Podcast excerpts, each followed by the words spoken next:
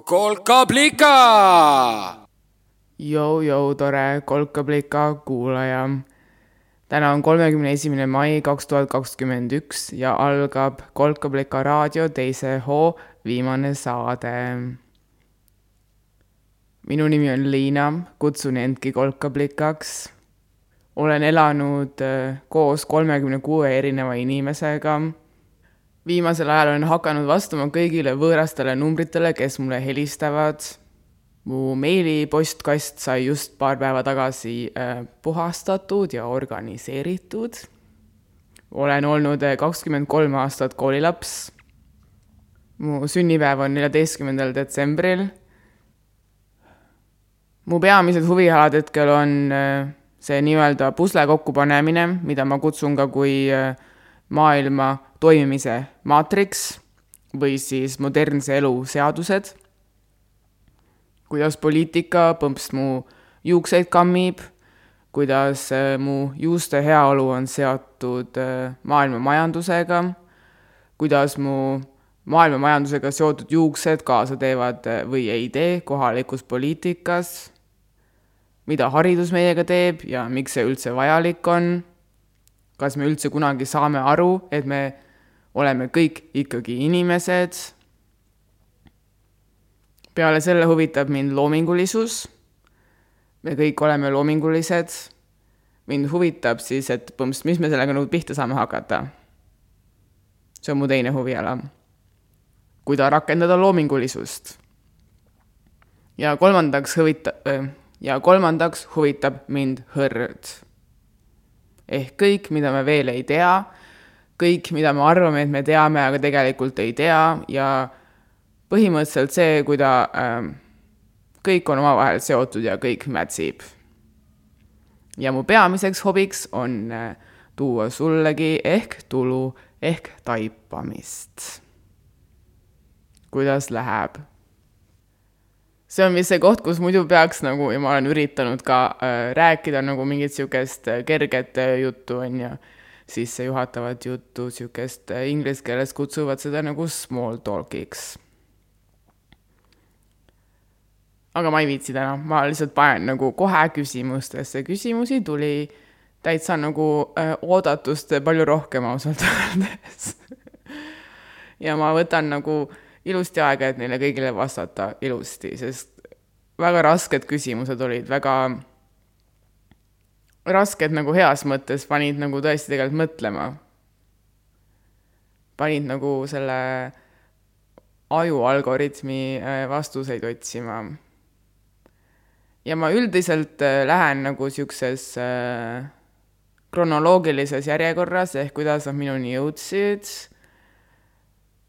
võib-olla välja arvatud üks küsimus, mis nagu natuke teisega ka seo-, seostus, aga ma ei ole veel täitsa kindel, paneme nii, nagu tuleb. Paneme nii, nagu tuleb. üldiselt jälgin kronoloogilist kohalejõudmise järjekorda. elu juhuseid tuleb nautida. ja juhuslikus järjekorras nad tulid ju. ja ma arvan, et ma nagu eraldan nad jälle oma lemmikheliga, mis on musi esimene küsimus. Ma ei tea, kas ma poleks nagu, ehk poleks pidanud ütlema esimene, sest ma ei tea, kas ma nagu neil pärast järge pean, palju neid oli, aga alustame küsimustega. esimene küsimus. mis on uus juunikuus ehk millega asendub sinu jaoks klassikaline kunst? nii palju ma ütlen veel ka, et ma ei ütle, kes mingit küsimust äh, esitas, sellepärast et äh, nagu üldiselt vaata elus lähtume alati endast ja kui keegi oleks nagu tahtnud äh, küsimusi, siis ta oleks öelnud, et ma küsin, nagu ütlen ka, mis küsimust sa nagu äh, küsid, siis äh, mina ei oleks ise mitte kunagi ühtki küsimust saatnud, nii et ma nagu kaitsen kõigi identiteete, kes küsimusi küsisid. sest nii mulle endale lihtsalt meeldiks, nii et esimene küsimus oli, ma juba korra mainisin mis on uus juunikuus ehk millega asendub sinu jaoks klassikaline kunst? Juunikuus saavad eh, minu jaoks uueks väga paljud erinevad asjad, mis ei olegi nagu nii otseselt seotud äh, kunsti tegemisega tegelikult. no esiteks muidugi on see lõpetamine, mis jah, tõesti viimased kümme aastat nagu väga konkreetselt ja viimased neliteist aastat niisuguse nagu alguses kaudselt ja siis konkreetselt olen ma tegelenud kunsti õppimisega. Aga nagu tõsi on ka see, et äh, viimane kord, kui äh, ma ei olnud õpilane koolis oma elus, oli kolmekümne esimesel augustil tuhat üheksasada üheksakümmend kaheksa. Ehk äh, päev enne esimest klassi. Ehk minu jaoks nagu see kooli lõpetamine on nagu kuidagi ka palju suurem tähenduselt kui lihtsalt kunstikooli lõpetamine. nagu mul on vend, kes on äh, saamas kohe üheksateist ja ma olen koolis käinud kauem, kui tema on elus olnud ehk nagu sellest muutusest, välja arvatud ka sellest nagu kunsti osast, ma nagu ootan, nagu siit tuleb ilmselgelt mingid nagu uued lained, uued vaimud, uued äh, võnked. see on nagu esiteks, peale selle olen ma nagu siin kogunud äh, kindlust ja julgust ja vaimuvalmidust. ja olen kogunud kokku seda nii palju, et äh, hetkel ma olen nagu suht täiesti sada protsenti veendunud, ikka pidi suht täiesti ütlema ette. noh, okei okay,, natuke veel nagu võbeleb, aga ma olen nagu suht kindel, et äh, kui see lõpetamise tuli nagu kustub, siis ma nagu panen selle tulekustutiga üle ka sellest tossust nagu ehk nagu toss kaob ära, mis äh, teistpidi on ka mind saatnud kui võtta nagu alates esimesest suitsust, siis nüüd juba mingi vist kolmteist ja pool aastat regulaarselt niisugune nagu normsuitsetaja olen olnud ju äh, kaksteist ja pool aastat, ehk nagu ka päris pikk aeg. Päris pikka aega on see tegevus olnud mu nagu igapäevaelus äh, sees olnud suur osa mu elust, mida ma tahan nüüd nagu murda ja muuta, ehk noh, sealt tuleb jälle ilmselt midagi nagu täiesti uut asemele, mida ma nagu ei oska veel täiesti ka mõelda, mis äh, see võiks olla või kuidas see kõik välja näeb, aga ma olen nagu põnevil.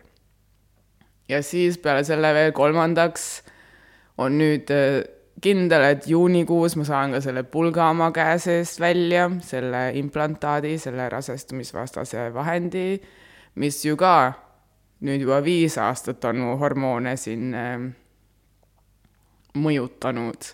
ehk noh, ka sealt tuleb ilmselgelt mingi täiesti nagu suur uus äh, muutus puhtalt sellest, et seda ei ole seal enam, mu keha hakkab nagu, ma ei tea, lulli lööma või ma ei tea, mis sealt nagu tuleb. Ma ei teagi, ma ei tea, mida, ma ei tea, mida nagu neist kõigist värkidest tuleb, nagu nendest lõppudest.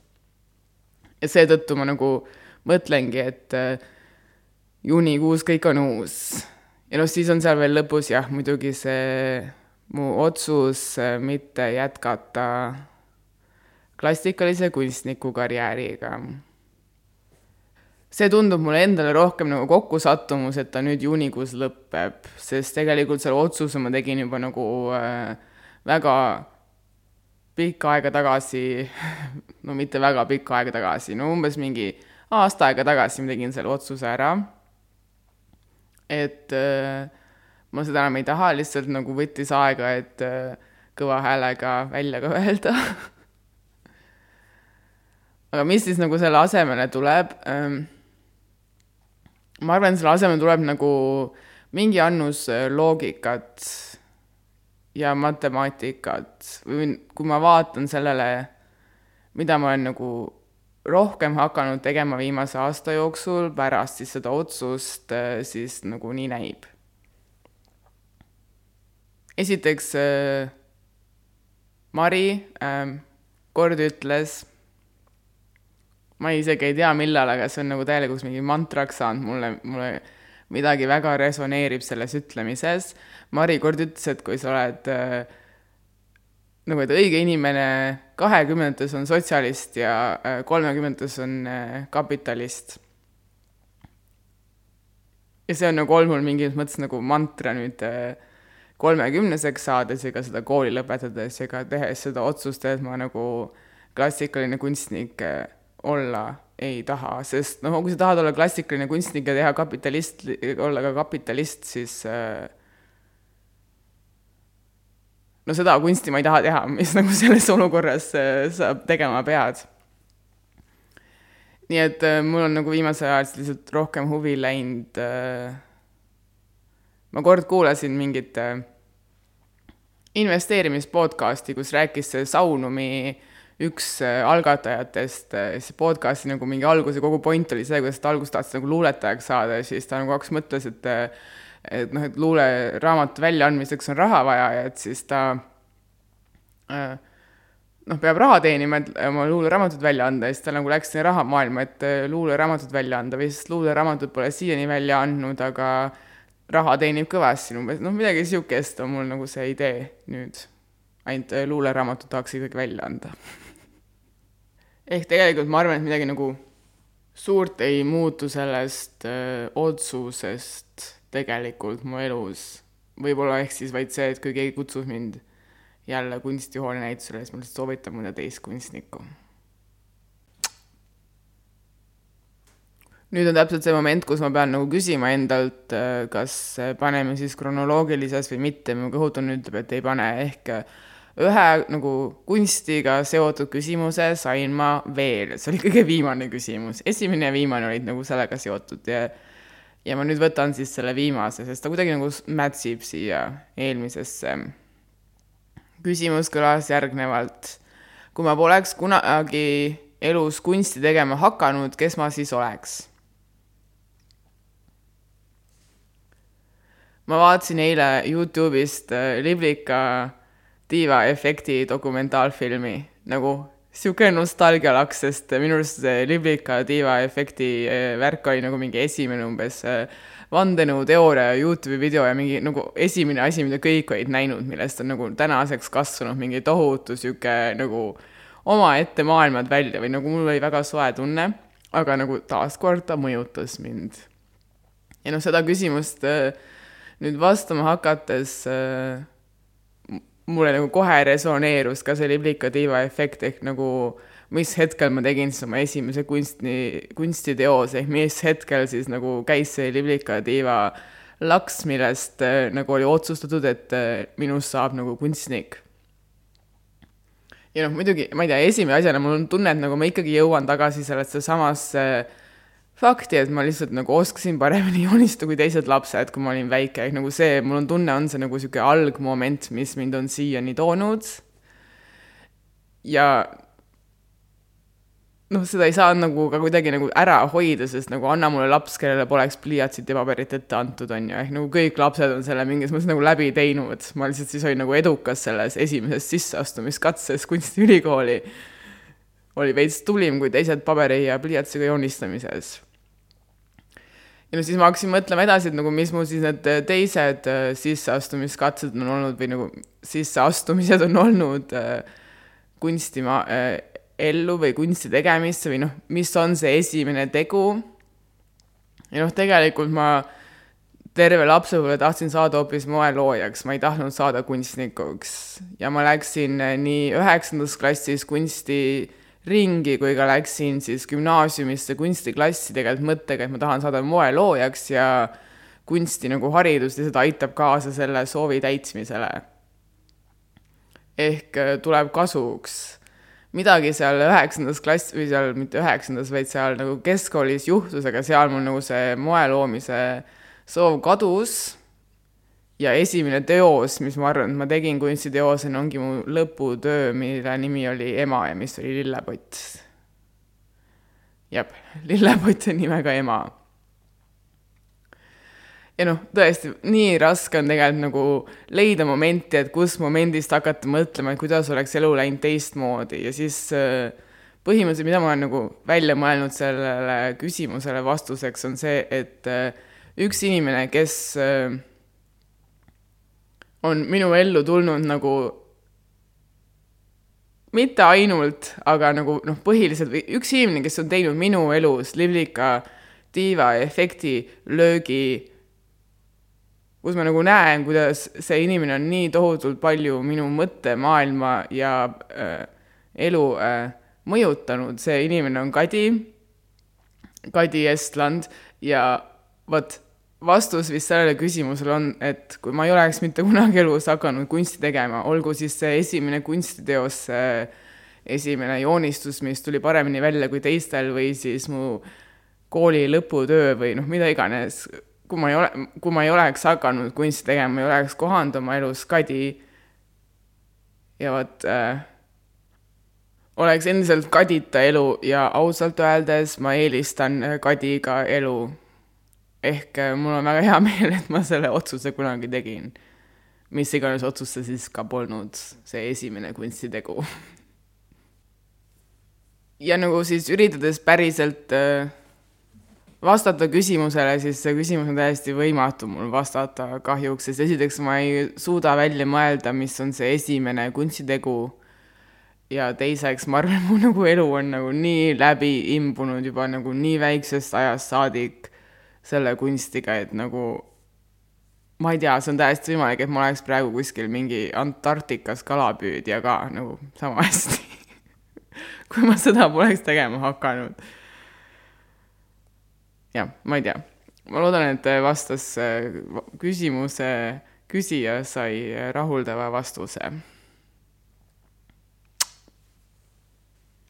järgmine küsimus. Lemmikmälestus lapsepõlvest. see küssa pani nagu pead kratsima reaalselt esiteks mul on vist tunne, et ma ei ole nagu sihuke klassikaline heietaja, nagu mul ei ole veits nagu eriti kombeks niimoodi nagu niisama nagu mõnusalt äh, ajas tagasi vaadata. mul nagu üldiselt äh, mälestused käivad äh, külas kui nagu kummitused ikka. Nagu kummitused siis selles mõttes, et nagu siukses nagu selgeltnägijate mõttes tulevad külla, tahavad nagu mingit lahendust, tahavad mingit arutust, tahavad mingit äh, nagu märk, nagu tahavad märku anda, et kuule, siin on nagu midagi tegemata. ja see ei ole alati negatiivne. ja ausalt öeldes nagu viimasel ajal on suht olnud nagu suht tore, et ma olen vist nagu oma need mineviku nagu negatiivsemad asjad vist äh, piisavalt ära kamminud, et nagu negatiivset enam külla ei tule. nii et viimasel ajal on nad, nad äh, kummitused tulnud siis nagu siukse nagu üldiselt vist nagu toetama mind või? jah, nagu viimasel ajal ma olen nagu heietanud mälestusi siukses nagu, nagu eesmärgil äh, luua seda kõik mätsib tunnet. See on nagu viimase aja sihuke mälestuste kogemus mul. ja noh, tegelikult nagu teistpidi äh, kõik mätsib tunnet taga, taga ajada ongi nagu mu sihuke mingi suurim eesmärk viimasel ajal, nii et äh, suht mätsib no ma ei tea, näiteks äh, viimasel ajal ma olen nagu suht palju peas heietanud seda ühte mõttelõnga sellest, kuidas ma ei tea, aasta oli mingi kaks tuhat üks või kaks või kolm või neli, üks vist ei olnud üks, ma olin veel Inese fänn, kaks tuhat kolm või neli, siis kui ma olin veel Illa Ninja fänn ja siis ma ehitasin Piret Järvisele fänni nagu mingit kogukonda ja ma ehitasin talle ka fännilehte äh, ja ma mäletan, kuidas see oli nagu noh, internet oli nagu suht uus asi toona veel, ma ei tea, vist Facebookigi veel, ei Facebooki raudselt Eestis kindlasti ei olnud nagu jah, internet oli suht sihuke nagu mingi uus värk toona veel. ja ma ehitasin seal nagu kodulehte, ma mäletan, kus oli nagu mingi sinine ja kollane ja siis, kuidas ma tegin seal mingeid neid üleminekuid värvidele ja ma tegelikult ei mäleta täpselt, kas ma oleks nagu mingit koodi kirjutanud isa mul midagi õpetas äh,, nii palju ma midagi, kuidagi ma midagi igatahes oskasin ja see oli hot.ee, kus me selle kõik üles laadisime. ja see mõte ja isegi nagu mingi kooli ajaleht kirjutas äh, must lõpuks artikli, kuidas ma teen mingit Piret Järvise kodulehte ja kuidas nagu mingi noored on ikka nagu nii tehnoloogiateadlikud võrreldes siis nende vanade inimestega, kes tol hetkel siis oli see kaheteistkümnenda klassi abiturient Terje Toomistu. igatahes see mõte mul nagu viimasel ajal peas nagu ringelnud ja ta on ilmselt ringelnud just selle tõttu, et äh, viimase aasta aja jooksul ma olen nagu üles võtnud uuesti koodi kirjutamise ja siis noh, täpsemalt olen alustanud veebiehituse kirjutamisega ja noh, ilmselt veel eriti seetõttu, et viimased kuud on nagu väga suur osa mu ajast läinud äh, taaskord ühe bändi kodulehe kirjutamise peale. ühele bändile olen loonud kodulehte ja noh, sa nagu näed, kuidas ring saab täis, see mälestus tuleb üles, et nagu mingi kõik elus mätsib. ma tegin sedasama asja, mis ma nüüd siin praegu kolmekümneselt teen, juba nagu näe, mingi kaheteistkümneselt nagu ilus. ehk ja mälestused, äh, mälestud nagu mu lemmik mälestused, sellepärast tegelikult mulle kõige rohkem meeldibki sõbraraamatu formaat, mulle on alati meeldinud sõbraraamatu formaadi puhul mitte see, et sa vastad küsimustele ja sa tead nii kindlalt, et see ongi nüüd igavesti nii selle küsimuse vastuse puhul. mulle on alati meeldinud sõbraraamatute formaadi puhul järjepidevus ehk eh, kui sa võtad ette küsimustiku ja sa vastad seda nagu mingi aja tagant uuesti ja sa näed, kuidas nagu kõik alati muutub. mina muutun, mina muutun, jah. ja see on minu arust nagu ilus selle puhul, nii et äh, hetkel siis äh, lemmikmälestus ilmselt on äh, nii et hetkel siis jah, ilmselt mu lemmikmälestus on seal kahe tuhandendate alguses Piret Järvisele kodulehe ehitamine. Vot. kuidas leida motivatsiooni? minu arust, kui sa tahad leida motivatsiooni, siis äh, tegelikult sa tahad leida nagu puhast tahet. motivatsioon on äh, nagu fancy nimi äh, tahtele. Ehk kui nagu tahet ei ole, siis äh, ega ei saa midagi tehtud ka. tahtega on jah see värk, et äh, mis on nagu puhas tahe. tahe võib väga tihti olla määrdunud ja kui äh, tahe on määrdunud, siis ega tas ei ole nagu mingit niisugust käivitavat jõudu, mida me nagu seostame motivatsiooniga. motivatsiooni me mõtleme, et see on nagu niisugune mingi ärkan üles ja siis nagu tõusen püsti, siis nagu tahangi kõike kohe teha, on ju, noh, tahan teha kõike.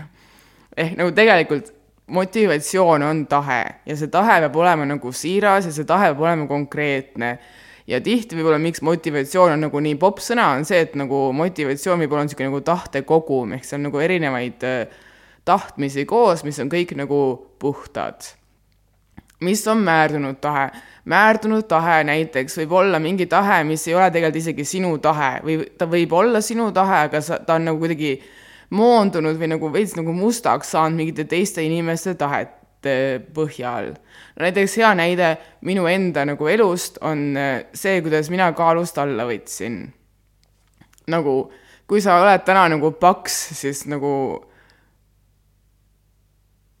ma ei tea, mis ma ütlen, mul on kahju sust või nagu ei, kui sa oled täna paks, siis nagu mõtle, kui nagu nõme on praegu maailm, nagu igast kuradi kanalist tuleb äh, sulle juttu, kuidas sina ei tohiks paks olla, on ju.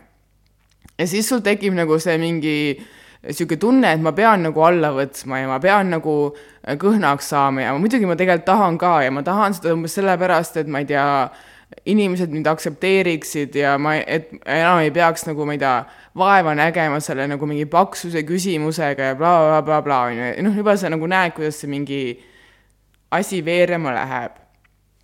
minu puhul näiteks äh, olen kõiki neid äh, paksuse võõraid tahtmisi tundnud, minu puhul alati, mis tegelikult nagu töötas mõlemal korral kaalust alla võttes, oli see, kui ma nagu puhastasin tahte ära ja puhastasin tahte ära nii palju, et sealt jäi alles ainult see, mida ma ise tegelikult tahtsin. esiteks siis küsimus, kas ma üldse tahtsin kõhnaks saada. esimene kord ma olin nagu mingi davai, ma väärin seda, teine kord ma olin see, et nagu ma enam kurat ei viitsi mõelda selle nagu paksuse peale, nüüd lihtsalt saame ühe korra nagu kõhnaks, siis on nagu saadud, siis ei pea enam nagu kunagi enam selle peale mõtlema, on ju ehk ma nagu tegin tegelikult selle tahte nagu enda omaks, see tahe toona ei olnud enam see, et mida nagu mingi ühiskond mulle ütleb või et mida ma tunnen, et see ühiskond või mida ülejäänud inimesed nagu mõtlevad, ma ei tea, minu kehakaalust või midagi niisugust, on ju. ehk ma pidin nagu ise nagu tõeliselt tahtma hakata ja noh, mis nagu annab siis jõudu tahtmisele, seal jõu tahtmise taga, ma arvan, on nagu tahtmise taga jõud, päris jõud on, ongi nagu puhtad enda soovid.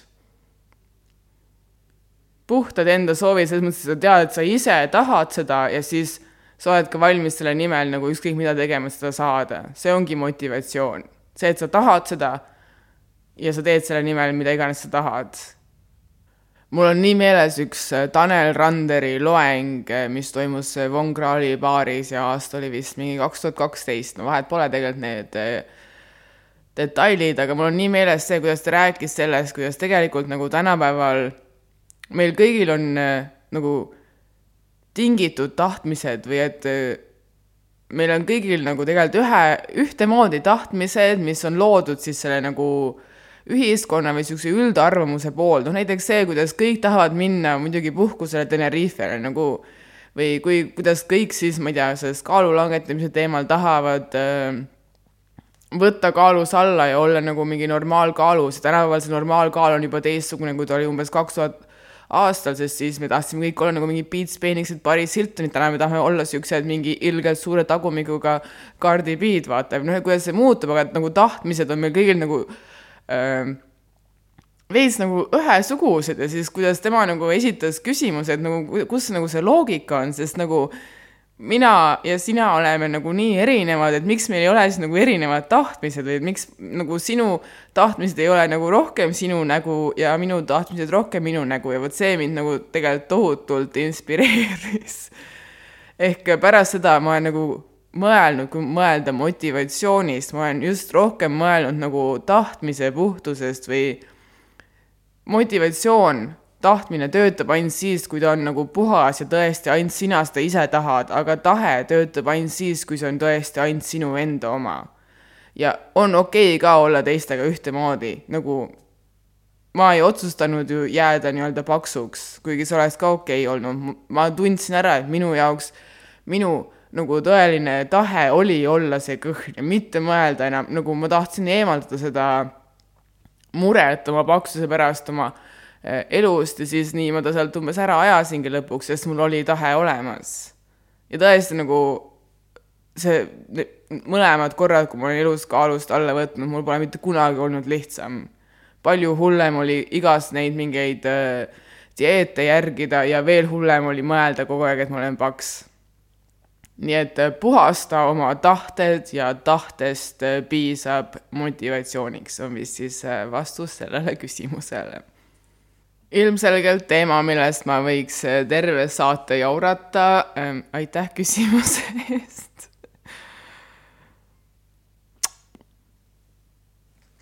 järgmine küsimus kõlab. kuida elada Where's the fun'i eluviisi no see on ilmselt kõige rohkem tõlkimist vajav küsimus. kuidas elada Where's the fun'i eluviisi? tõlge kõlaks siis nii, et äh, kahe tuhande kümnendal aastal andis äh, Kanada kirjanik Sheila Heti välja raamatu How should a person be, eesti keeles siis äh, kuida peaks inimene olema Eesti keeles minu teada seda raamatut veel välja antud ei ole. ja no mina lugesin seda raamatut esimest korda vist aastal äh, kaks tuhat kolmteist ja see veits läks nagu mingi kulutuli läbi minu seltskonna.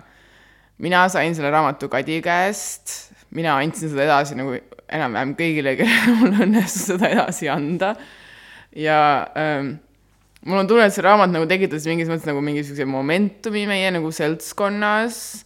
kindlasti see oli ja kindlasti oli see mulle endale nagu mingi tohutult inspireeriv raamat, see oli nagu mingi mitmeid erinevaid tükikesi, mida ma sealt välja korjasin ja mida ma nagu siiamaani korrutan, millest üks on siis see küsimus sellest, et äh, kus on nali. ja täpsemalt äh, raamat räägib siis, raamat räägib, nagu ta raamat räägib, miks ma arvan, et ta oli nagu nii edukas meie hulgas toona, oli see, et ta rääkis nagu kõigile oma juttu, ta räägib nagu ühest, nagu see on ühe naise kirjutatud, kes on kirjutamas oma loometööd ja ta räägib oma loometöö raskusest ja samal ajal ta räägib ka nagu naistevahelisest sõprusest ja nii edasi. Ja siis see konkreetne moment, kus tuleb sisse see naljaküsimus, on see, kuidas nad kaks peategelast, siis see kirjutaja Sheila ja ta parim sõbranna Margot Nad läksid mingile kunstimessile kuhugi ja siis nad vaatasid neid teoseid seal ja siis nagu, kui sa lähed kunstnäitusele, siis nagu mingi pool on ilmselgelt pask, on ju. ja siis nad arutasid omavahel, et kuidas ära tunda nagu seda head kunstiteost selle pasa sees. Ja Margot käis välja, et nagu põhiküsimus, mida küsida on, et where's the funny või et kus on nali või kus on nagu lõbu. ja mulle nagu mega klikkis see moment ma ausalt öeldes ei ole mõelnud sellest, äh, kus on nali mõtteviisist varem väljaspool kunstimaailma või kunstikeskkonda või noh, kunstimõtlemist, ehk põhimõtteliselt ma ei ole sellest nagu mõelnud niimoodi nagu laialdasemalt, et kuidas seda rakendada nagu elule, kuigi praegu see meigib nagu, tähendab see, nagu total mätsib hetkel, sest äh, oota, ma kogun ennast korra. noh, minu jaoks niikuinii, mul ei ole vahet, kas on kunst või elu, nagu elu on mu kõige ilusam kunst, kunst ja kunstiteos, nagu mu, ma arvan siiamaani, et mu kõige ilusam kunstiteos saab olema see äh, üks kilomeeter Rapla haiglast surnuaiani. see on nagu mu sihuke masterpiece. sest minu jaoks see on seal olemas, see funny ehk äh, kui tõlkida nüüd siis see mõtteviis nagu eluviisiks kunstist, siis äh, kuidas elada where's the funny, kus on nali eluviisi, siis põhipoint ongi see, et nagu sul on antud ainult nagu üks elu. ja mis on nagu see asi, mis teeb meile nagu rõõmu ja paneb meile nagu suunurgad üles tõusma ja tekitab nagu rõõmukortsu trenni, mis on nagu parim trenn üldse see on nali. ehk nagu ükskõik, mida sa teed, olgu see, ma ei tea, mingi äriplaan või öö, maja ostmine või noh, see ei ole, see ei pea olema ainult kunstiteos, mingi loominguline asi, siis sealt nagu, kas on seal olemas see nali, kas on seal olemas see asi, mis paneb nagu suu muigama, mis on nagu naljakas? kui sa vastad sellele küsimusele jah, siis sa juba eladki seda, kus on nali eluviisi ja mul on tunne, et see on nagu mingi väga nagu täisväärtuslik äh, elamise viis. näiteks mu lemmik äh, nali oma elust, äh, mida ma veel räägin endale on see, et kui ma olin kakskümmend neli, siis ma kolisin koju tagasi. nagu igalt poolt sotsiaal, mitte sotsiaalmeedias, vaid igal pool mingi filmides, noh, igalt poolt ühiskonnas tuleb see nagu lugu sellest, et kui sa oled kakskümmend neli ja sa kolid koju tagasi, sa oled nagu mingi täielik luuser, on ju. ja noh, ma ei tea, minu arust see on nagu nii naljakas, et ma täpselt seda tegingi. ma olingi see stereotüüpne luuser, nagu see on nii naljakas ja noh, teine variant oleks see, et ma oleks nagu mingi oh my god, ma olen täielik mingi luuser ja ma olen nagu mingi, kes must, see on naljakas, mitte et ma olen luuser. see on naljakas, et ma olen luuser, mitte et ma olen luuser. okei okay,, ma ei tea, kas see oli nüüd nagu arusaadav, aga lugege Sheila Hettit. Kuigi ma olen nagu mõelnud, et raamatuid enam ei tohi nagu soovitada, sest äh, mitte kunagi ei saa olla kindel, et teine inimene sellest raamatust nii aru saab, pluss üldse Sheila Hettit veits äh, nõme on soovitada, sellepärast et teda ei saa hetkel eesti keeles lugeda. aga igatahes nagu ükskõik, mida sa teed, siis kõiges on miskit nalja, otsi seda nalja. Ja kõrvalmärkusena, kui sul on tunne, et näiteks sul pole üldse huumorimeelt või siis äh, sa enda arust nagu räägid jumala tõsist juttu, siis kõik järsku hakkavad naerma selle peale või siis äh, sa teed nalja ja absoluutselt mitte keegi ei hakka selle peale naerma ja sa oled nagu mingi äh, okei okay,, mul vist pole huumorimeelt. siis sul ilmselt tegelikult ikkagi on huumorimeel. Sa pole lihtsalt veel üles leidnud seda, seda ei anna veel nimetada mitte ühegi juba valmisoleva huumorisildiga, aga sul on raudselt olemas huumorimeel. nii et otsi nalja nii saabki elada, kus on nali eluviisi. järgmine küsimus. Sorry, ma jäin korra oma julguse peale nii julget häält teha mõtlema. järgmine küsimus. ma tean, et sulle meeldivad numbrid. ma mängisin eile numbrite nuusutamise mängu. no oli trikikas mäng kus lõhnad polnud olulised. ma hoopis mõtlesin, et päris huvitav oleks kujundada arvamus, mismoodi numbrid võiks lõhnata. kui oluline on üldse sulle lõhnamaailm? Esiteks ma nagu täiega tahan ka mängida seda numbrite mängu, kus sa pead lõhnama numbreid. kuidas see mäng käib? palun mulle teada anda ma olen väga intrigeeritud lõhnamaailmast ja ma olen väga intrigeeritud lõhnamaailmast just seetõttu, et äh, lõhnamaailm ei ole olnud mulle liiga oluline. ja siin tuleb veits mängu ka nagu see suitsetamise teema, ehk äh, ma olen väga teadlik sellest, et äh, viimased kaksteist aastat olen ma nii maitse kui ka lõhnameelt endal nagu äh, alla surunud oma teadliku tegevuse käigus või noh, mitte teadliku, no suht teadliku sõltuvus ikka on teadlik tegevus selles suhtes, on ju. ehk ma olen teadlik sellest, et äh, viimased äh, kaksteist ja pool aastat, nii kaua kui ma olen olnud nagu see normsuitsetaja, ma ei ole tegelikult äh, kogenud ei lõhna ega maitsemaailma nii, nagu seda nagu võiks kogeda või nagu, mis on seal nagu võimalused, ma olen seda nagu alla surunud see on nagu opressed olnud ähm,. kuidas numbrid lõhnevad, äh, ma peast nagu kohe os-, ei oskagi öelda, aga vastates viimasele küsimusele, et äh, mis suhe mul siis on äh, lõhnamaailmaga, siis ma juba natuke vastasin, aga teistpidi ka näiteks äh, väga suur motivaator, tahe, soov eelmine suvi suitsu maha jätta oligi soov, tahe tunda merehaisu. kuidas meri haiseb. ja noh, mul õnnestus see soov täita, mul õnnestus see tahe täita, järgmisel päeval ma umbes andsingi alla stressile ja hakkasin suitsetama. oma nagu, ma ei teagi, mis öeldakse, oma vabanduseks oma vabanduseks võin vist öelda, et äh, stress oli, stress oli täiesti erakordne, see ei olnud nagu see, et ma lihtsalt ootasingi seda päeva, mil ma lõpuks merehaisu tunnen ja siis hakkan suitsetama, ma nagu, stress oli veits teistsugune, aga ma tunnen, kuidas nagu üldiselt, kuidas noh, see tunne tahta tunda rohkem lõhna, tunda rohkem maitseid on endiselt elus ja ilmselt see on ka see üks endiselt motivaatoreid, kuidas äh, või miks ma tahan nagu suitsetamist niimoodi maha jätta. nii et kui sul on nagu mingeid häid lõhnu, äh, mis sulle hullult meeldivad, mis ei ole liiga tugevad, sest liiga tugevaid lõhnu tunnevad suitsetajad ka. kui sul on nagu mingi siukseid nagu malbeid lõhnu, mida sa hullult naudid, siis nagu palun saada mulle need äh, kirjeldused, sest siis mul on nagu panna sinna listi, et äh, miks suitsetamist maha jätta, nii et ma tunnen, et äh, lõhnamaailmast ma olen nagu olnud suht eemal, aga tahaks nagu täiega siseneda. Okei okay,, vahepeal nüüd jõudsin mõelda ka veits sellele, et kuidas numbrid lõhnavad, siis numbrid minu jaoks lõhnavad nagu värske pesu. kõik ühe korraga.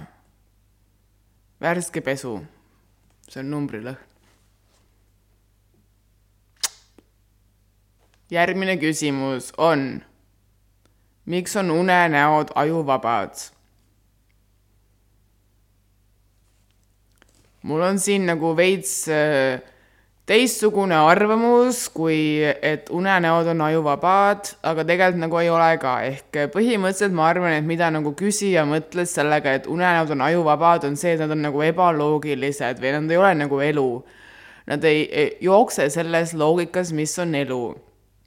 aga tegelikult ma arvan, et kõige ajuvabam asi, mis nagu üldse meil olemas on, ongi meie aju, nii et kõige ajuvabam asi on aju veits äh, ebaloogiline mulle isiklikult üldse ei meeldi unenäod ja mulle ei meeldi unenäod just sellepärast, et nad tegelikult on nii kuradi loogilised, nad on nii loogilised äh, selles suhtes, et aju nagu üritab vaata midagi protsessida selles, mis elus toimub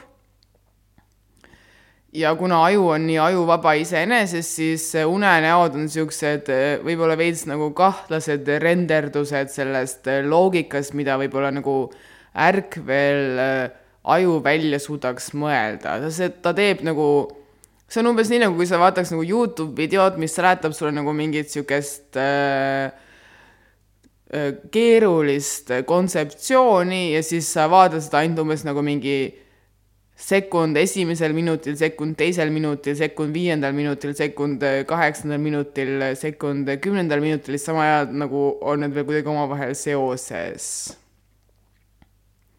ehk tegelikult ma arvan, et äh, unenäod pole absoluutselt mitte üldse ajuvabad, lihtsalt mis on ajuvaba, on esiteks see elu, mida me elame ja teiseks see aju, mida me omame mulle ei meeldi unenäod, sest võib-olla ma olen nagu seal mingi koodi kräkkinud, aga mulle meeldib magada nii, et ma und ei näe, sest noh, und sa mäletad äh, üldiselt ka siis, kui sa ei ole maganud korralikult, ehk alati mul on tunne, on soovituslik mitte und näha, sest siis sa oled korralikult maganud. kui sa näed und, siis äh, on seal mitmeid võimalusi, ühtepidi võib olla nagu mingi joo jumala suva, mis ma unes nägin, teistpidi seal on tihti tegelikult ka mingeid siukseid nagu äh, veits horoskooplikke äh, soovitusi eluks, ehk äh, kui sa nagu mõtlema hakkad oma unenägude peale, siis see on nagu su sihuke aju loodud horoskoop sulle endale. seal on alati olemas mingid nagu tükikesed sellest, et mis on nagu kõige tähtsam sulle praegu, mis sind nagu vaevab, mida nagu see lahendus võiks olla ja nii edasi ja kõige tipuks tead äh,, kõige tipuks me, jah, ma ei tea, ma arvan, et nagu kuna aju on nii ajuvaba, siis me ilmselt näeme tegelikult kõik veits eri moodi unenägusid ehk äh, lihtsalt minu kaks äh, satoshit. ma ei tea, kas see tegelikult nagu äh, aitab, mu vastus. uni igatahes on vajalik, nii et äh, maga mõnuga järgmine küssa. praegu on müügis üks raamat, kus tuntud inimesed kirjutasid endale kui kunagisele lapsele kirja. mida sina ütleksid praeguse tarkusega äsja sündinud õele või vennale või emale? see on väga kelmikas küsimus, mis nõudis mult äh, ausalt öeldes niisugust nagu äh, aia maha lõhkumist, sest äh, mina vist tegelikult nagu ei ole eriti inimene, kes äh, hea meelega räägiks äh, väikeste lastega juttu. ma nagu hea meelega tegelikult äh, lükkaks edasi väikeste lastega rääkimist, kuni nad on umbes mingi kümme või vanemad. ehk mõelda, mida öelda nagu väikestele lastele on suht nagu sihuke, ma võiks ju mõelda küll, aga et mida ma nagu päriselt ütleks neile ka, on nagu nagu tõesti võttis äh, mõtlemist. ja mis ma välja mõtlesin, oli see, et nad tegelikult nagu, ma ütleks vist suht sama asja nii nelja-viiesele kui ka neljakümne viiesele. ja mida ma ütleks siis, on see, et äh, imelikul ja imelisel ei ole tegelikult suurt vahet. Nad on üksteisele väga lähedal ja kas on imelik või imeline, sõltub äh, suuresti vaataja silmadest. ja tihti imelik on palju imelisem, kui on imelisus. imelikku võiksime me kõik rohkem väärtustada, nii et sina, nelja-aastane laps, jäta meelde, et imelikkus on toredus, samamoodi nagu on imelisus. samuti kõige tähtsam asi, mis äh, elus vajab hoidmist, kasvatamist ja arendamist, on elurõõm ja lust. samuti kuula kõiki ja siis vaidle nendega oma peas, kuni sa oled leidnud vastuse. käis või? ma ei tea, kas nelja-aastane saaks sellest aru või? Ma pole mitte kunagi varem julgenud nelja-aastasele midagi niisugust öelda isegi seitsmeaastasele mitte kümneaastasele ma juba julgeks. mulle täiega meeldiks, kui nagu lõpuks saaks niisuguseks üldiseks arusaamaks see, et äh, lapsi ei pea kaitsma mingite asjade eest äh, nagu mõttemaailma viisil. Lapsi peab täiega kaitsma nagu, lapsi peab kaitsma mingi pedofiilide eest nagu täiega, ju, lapsi peab kaitsma ka igasuguste äh, muude pervertide eest, lapsi peab kaitsma kõigi eest, keda, kes neid nagu ära kasutavad aga ma ei tea, miks nagu mul on tekkinud tunne, et äh, minu mõtted on nagu lastele liiga rasked. igatahes äh, ma täiega ootan, kuni kõik äh, väiksed lapsed, kes mu elus on, saavad kümneseks. nii et kui sa kunagi kuulad Karmo, Tanel, Raigo, August, siis äh, nüüd tead, miks ma sinuga alles hiljem rääkima hakkasin. imelik on imeline kuhu tahaksid reisida, mis kohti avastada, mis kohti koguda? Kui rääkida kohtade kogumisest, siis äh, esimene mõte, mis mul pähe tuli, oli äh, maailmajaod. siis ma aga mõtlesin natuke nagu pikemalt ja mõtlesin nagu otseselt mul nagu tegelikult ei ole vajadust Antarktikale minna lihtsalt sellepärast, et Antarktikale minna ehk ma nagu natuke modifitseeriksin seda, muudaksin seda. Äh, nii et ma tahaks nagu käia ära kõigis maailma jagudes, kus on kunagi enne maailma avastamise paanikat äh, inimesed elanud. sealhulgas äh, ma veel muudaksin nii palju seda geograafilist teadmist, et minu jaoks on Põhja-Ameerika ja Lõuna-Ameerikaga nagu eraldi maailmajaod.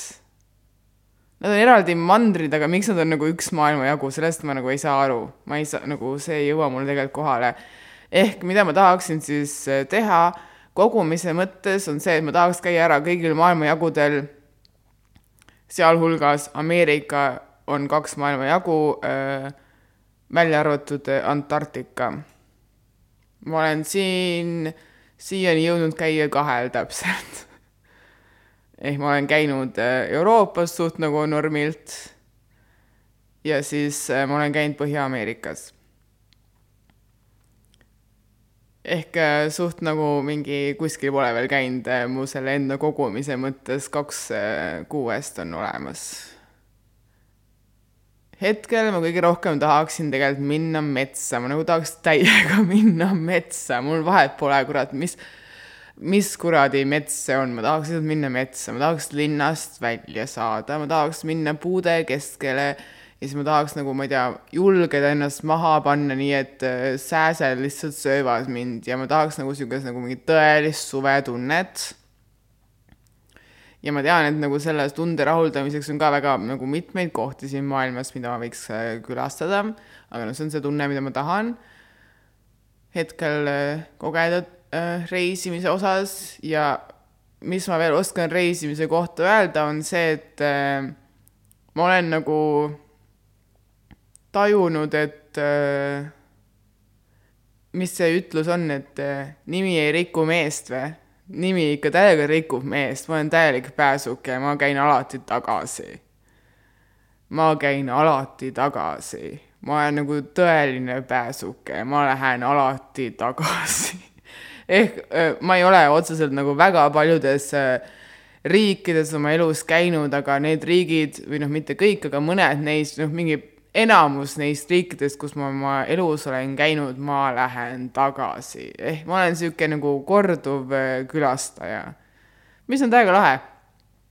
nagu tõesti lahe, ma olen, äh, kui võtta nagu kokku mu elu, siis näiteks Berliinis, võtta erireisid kokku, ma olen mingi kolm kuud vähemalt elanud Berliinis oma elus. Ameerikas ma olen olnud nagu mingi vähemalt ja ma olen vähemalt mingi kaks kuud elanud oma per-, äh, elus Ameerikas, nii et äh, Ungaris ma elanud mingi kuu aega umbes, jah. nagu suht hull ju. ehk äh, nagu vist, ehk jah, võib-olla isegi nagu puhtalt kogumise, et koht üks koht äh, mõttes ma rohkem kogun arusaamist teisest kohast, mida seletab ka mu pidev tagasiminek, see, et ma tahan, ma käin kuskil ja siis ma tahaks sellest kohast ka nagu võimalikult palju aru saada ja nagu ma olen ju vähemalt nii tark, et ma saan aru, et ükskord käin seal, ega ma siis, see on ainult esmamulje. ehk kokkuvõttes jaa, ma tõesti tahaks absoluutselt kõikidesse maailma kohtadesse minna, eriti kohtadesse, mis ei ole nii-öelda see klassikaline lääs, järjest rohkem ma tahaks minna kohtadesse, mis äh, Aafrikasse, ma tahaks minna Lõuna-Ameerikasse, ma tahaks minna Aasiasse. ma tahaks minna kohtadesse, kus tehakse meie dressipükse, kus tehakse meie arvuteid, ma tahaks näha, kuidas inimesed seal elavad, sest äh, mul on tunne, et mul on vaja nagu seda reality check'i. mul on, ma tahan seda reality check'i ja jah, ma pean ilmselt selleks ühe korra või kaks korda lennukiga lendama. nii halb kliimale oh, oh. oh-oh. järgmise küsimusena küsiti mult, et äh, tahetakse minu moodi väljakutsed, äh, challenge'id, nagu käivad vaata netis ringi need, et äh, ära joo kolmkümmend päeva kohvi või siis äh, Äh, kõnni kümme tuhat äh, sammu päevas või siis äh, tee need kõhulihased trennid siis saad endale selle six-pack'i, et mis, et need on nagu veits igavad, et siis nagu, et mis mina võiks välja pakkuda challenge'iks. väga raske küsimus. pani mul nagu täiesti siukse mingi mõttekonteineri tööle nagu mingi analüüsi nüüd, äh, mis ta tähendab, challenge, mis asi see üldse on ja mida ma siis äh, sealt välja äh, ajust äh, liinatasin. kui, tahtsin öelda guugeldasin, aga jah, liinatasin, mida minu aju välja liinatas. minu aju mõtles välja, et challenge ite puhul äh, tavaliselt sa tahad nagu, seal on alati mingi eesmärk, noh näiteks äh, kümme päeva, äh, tähendab mitte kümme päeva, vaid kümme tuhat sammu päevas tähendab seda, sa tahad nagu tunda ennast siis nagu tervislikuna selle aja jooksul, siis nagu absoluutselt äh, kolmkümmend päeva kohvit on täpselt sama asi, sa tahad olla tervislik, nagu kas on üldse challenge eid, mis nagu pole nagu tervisega seotud või? igatahes ma, ma mõtlesin välja või nagu, mis mul sealt nagu minu sellest ajuvabast ajust välja kerkis, oli samamoodi seotud äh, tervisega, aga mitte siis füüsilise tervisega, vaid vaimse tervisega.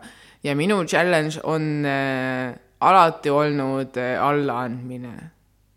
mu lemmik challenge, alati töötab, alati toob kõige paremaid lahendusi, paremaid tulemusi, nagu anna mulle paremat äh, challenge'id kui minu allaandmine ma ei ole leidnud mitte kunagi ja kuidas minu siis see allaandmise challenge käib. sul on raudselt peas praegu mingi soov, mida sa nagu täiega tahad.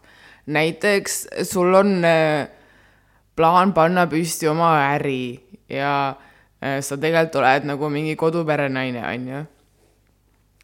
Või öö, midagi sarnast, kõik saavad selle tundega hakkama, on ju. sul on nagu peas mingi plaan, mis väga erineb sellest, milline on su nagu igapäevaelu.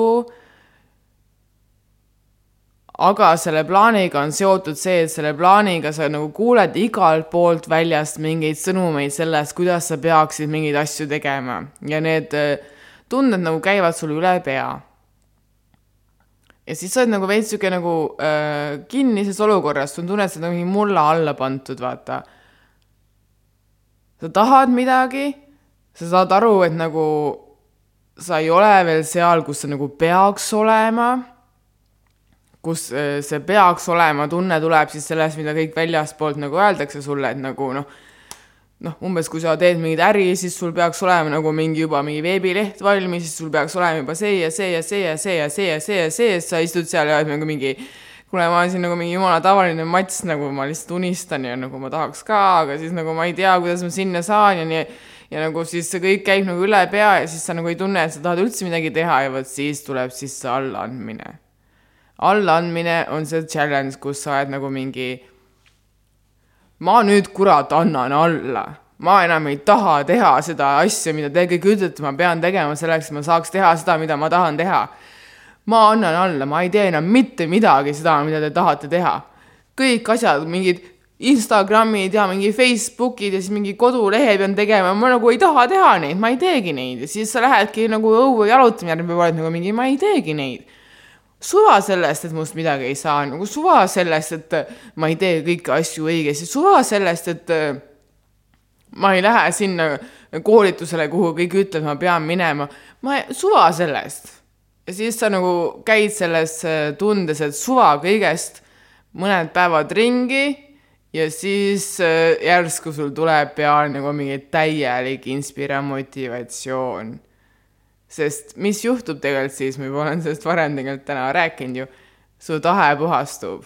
su tahe puhastub ja siis äh, su tahe saab puhtaks ja siis sul tuleb tegelikult päris motivatsioon peale. ja kõik saab nagu täiesti uue läike ja uue võnke sisse. mu lemmik challenge, anda alla. tõesti äh,, allaandmise tunne on nagu mingi tunne või nagu mi-, see tunne, millele mina olen andnud nimeks allaandmine, on üks kõige ilusamaid tundeid üldse, mida mina olen kogenud ja ma olen seda, ja ta on just nagu niisugune meetodlik tunne, ehk nagu on ka need äh, väljakutsed, ehk sul on nagu mingi meetod, mida sa rakendad, et midagi oma elus muuta, on ju.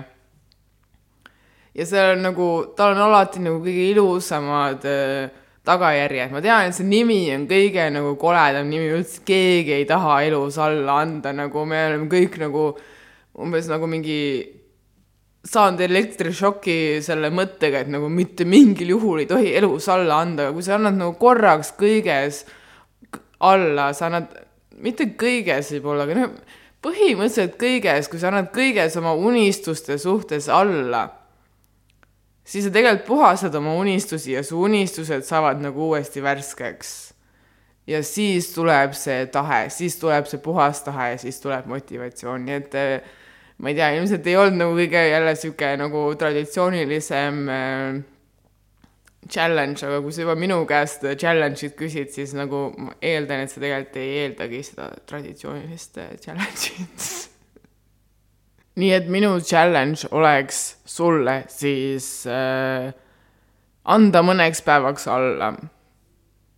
ja erinevalt äh, tavalistest äh, traditsioonilistest challenge idest, kus sulle öeldakse mingi päevanumber äh,, mil äh, sa pead äh, seda challenge'it jälgima, siis äh, minu päevanumber oleks see, et usalda iseennast, anna alla ja siis usu, et see tõuseb uuesti ülesse.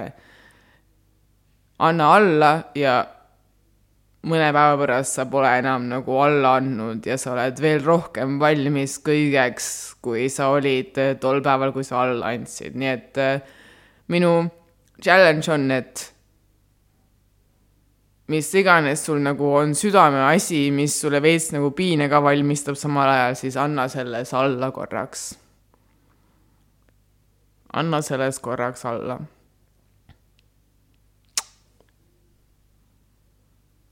järgmine küsimus. kuidas saaks kodulehtedel vajalikud asjad vajalikesse kohtadesse? siin on kahjuks ainult üks variant, ainult üks vastus. sa pead ise õppima koodi kirjutama, sest niikaua, kuni sa ise ei kirjuta koodi, niikaua, kuni sa ise ei ehita kodulehte, siis on teiste inimeste, kes kirjutavad koodi, kes ehitavad kodulehti, käes see võim otsustada, mis on nende arust vajalik mingi koha peal. niikaua, kuni sa ise ei kirjuta koodi, nende käes on võim ja sul ei ole mitte midagi seal teha kahjuks nii et õpi koodima. see on nagu see kurb tõsi ja ma arvan, et on väga tark alati meeles pidada internetis ringi käies, et äh, nii palju, kui meile ka ei räägitaks sellest äh, ai-st ja sellest mingi masina õppimisest kuidas masin õpib äh, mingisuguseid asju iseenesest ja nii edasi, on ju, noh, õpibki. Äh, siis selle masina taga alati on inimene, selle taga on teine inimene ja noh, asi, mida ma tõesti olen tegelikult nii palju viimasel ajal mõelnud, just sellesama, mis ma enne juba rääkisin, selle uue kodulehe koodimise taga, on see, et äh, iga kodulehe taga kuskil on tegelikult inimene ja sellel inimesel on arvamused ja kuigi meile tundub, et nagu mingi internet on niisugune mingi äh, üldine suvaasjandus, siis seal taga on nagu iga rea taga kuskil on inimene, isegi kui seal on õppinud mingi masin vahepeal rääkima, seda masinat on õpit-, õpetanud inimene. ehk kui sa oled veel nagu selles eas, et õppida koodima, et õppida kirjutama koodi, et õppida koode, siis nagu õpi, see on uus kirjaoskus. sa ei saa ilm, nagu uues maailmas sa oled nagu kirjaoskamatu, kui sa ei saa aru koodist. seal on juba tasandil nagu taga ka see, et mina, kes ma nagu oskan mingi minimaalselt mingit veebikoodi umbes kirjutada, teha veebiehitust, siis puhtalt see, et ma olen üritanud õppida seda keelt rääkima, on must tekitanud nagu niisugust aukartust selle keele suhtes, selles suhtes ma olen aru saanud, kuidas see keel on nii võimas kuidas see keel on nii võimas, nii palju suurem kui mina. ja ma ei taha sellele keelele alla jääda, mistõttu ma nagu jätkan seda õppimist. nii et äh, kui sa tahad, et veebilehel oleks asjad sinu jaoks õiges kohas, siis sa pead lihtsalt ise õppima seda kirjutama. see on nagu nii kurb tõdi, tõde, kui ta on aga mõne inimese jaoks on nagu hea ka see, et neil on vähemalt lapsed, kes seda õpivad ja siis nad seletavad ära neile, kuidas või miks on mõned asjad vale koha peal. ja siis need lapsed on ka täiega huvitunud, et kus peaks õiged asjad olema, sest äh, nagu kõigi inimeste arvamused on nagu nii olulised, ma just vaatasin videot eile, nagu see oli täiesti, mul käis ajus nagu mingi plahvatus ma vaatasin videot eile, kuidas äh, mingi Hiina äh, hõim seal rääkis mingi vana naine videos, kuidas ta oli nii kurb, et nagu lapsed, nende lapsed nagu on täiesti äh, kaotanud oma hõimutunde, sest nad ei tee enam tätoveeringuid. Nagu nad on otsustanud, et tätoveeringud ei ole enam nagu mingi sihuke kaasaegne asi, mida teha. ja kuidas nagu vanasti see hõim tegi nagu see tätoveeringud tegid neist nagu selle hõimu, on ju, siis nagu mul omapidi seal mingi eestlane olles, kellel peab vanemale rääkima, et kuule, mul need tätoveeringud on jaa, aga ma ei ole nagu vanglas käinud. see oli nagu nii ilus nagu vastupidi asi, kuidas maailmas on kõik võimalik, ehk sul on ka mingid nagu hõimud olnud, kelle jaoks tätoveerimine ongi olnud nagu see vana asi ja siis nemad noh, et nüüd enam ei tehta, on nagu see kurb asi, vaata versus siis see põlvkond või see, mitte põlvkond, vaid see kultuur, kust mina tulen, kus ma pean oma vanemale rääkima, et kuule, tätoveerimine ei ole tegelikult nagu vangla asi, et tätoveerimine on nagu sihuke mingi uus asi, vaata. saad aru, onju. Ehm, ehk sama asi on tegelikult ka selle, ma arvan, veebiga ehk äh, mina kui nüüd siis nagu uus koodija täiega tahan teada, kus peaks olema need õiged asjad sinu küsija arust. Võtan nagu sajaga arvesse, ma olen juba võtnud nagu igast asju arvesse, mida sina ütled, nii et äh, kirjuta mulle.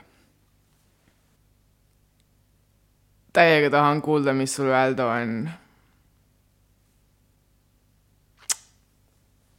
ja ma olengi jõudnud viimase küsimuseni. viimane küsimus kõlab. kas mulle meeldib pigem padukas või seenevihm? mulle üldiselt meeldib vihm, aga kui ma pean nagu nende erinevate vihmade vahel valima, siis äh, mulle kindlasti meeldib padukas ja mulle meeldib padukas ilmselt sellepärast rohkem, et äh, vaata, kui hakkad nagu lemmikuid valima, siis sa mõtled, et see peab nagu igavesti olema, et kas sa siis oled ka õnnelik ja nagu seenevihm ei too nagu siukest äh, laksu või rahulolu äh, nagu padukas toob, sest padukas on nagu sihuke äkiline, ta tuleb ja siis ta läheb ja ta nagu tekitab mingi siukse nihke ellu. Seenevihm, mulle täiega meeldivad seened. aga nagu igavesti seenevihmas elada, elada oleks nagu sihuke veits äh, üksluine või nagu padukas juba oma sõnalt või olemuselt äh, eeldab, et äh, seal on ka midagi muud kui padukas, seal on midagi muud, mida padukas nagu äh, häirib, padukas nagu tuleb millelegi uuele ots-, mitte uuele, vaid padukas nagu tuleb millelegi otsa ja siis ta läheb ära ja siis tuleb jälle midagi muud. et seenevihm, see kõlab nagu niimoodi, et äh, igavesti käib lihtsalt üks seenevihm, nii et selle, puht selle tunde pärast äh, ma valiks paduka. vot. ja niimoodi teine hooaeg otsa saabki aitäh kuulamast mul vist muud polegi öelda. endiselt äh, veits šokis, et üldse kuulad. ja loodan, et äh, jätkad ka uuel hooajal. Daily Newsletter, see veel tuleb homme, esimesel juunil. ja peale selle loodan tõesti, et äh, kuuleme taas järgmisel nii-öelda teisel esmaspäeval ehk kahekümnendal septembril. head suve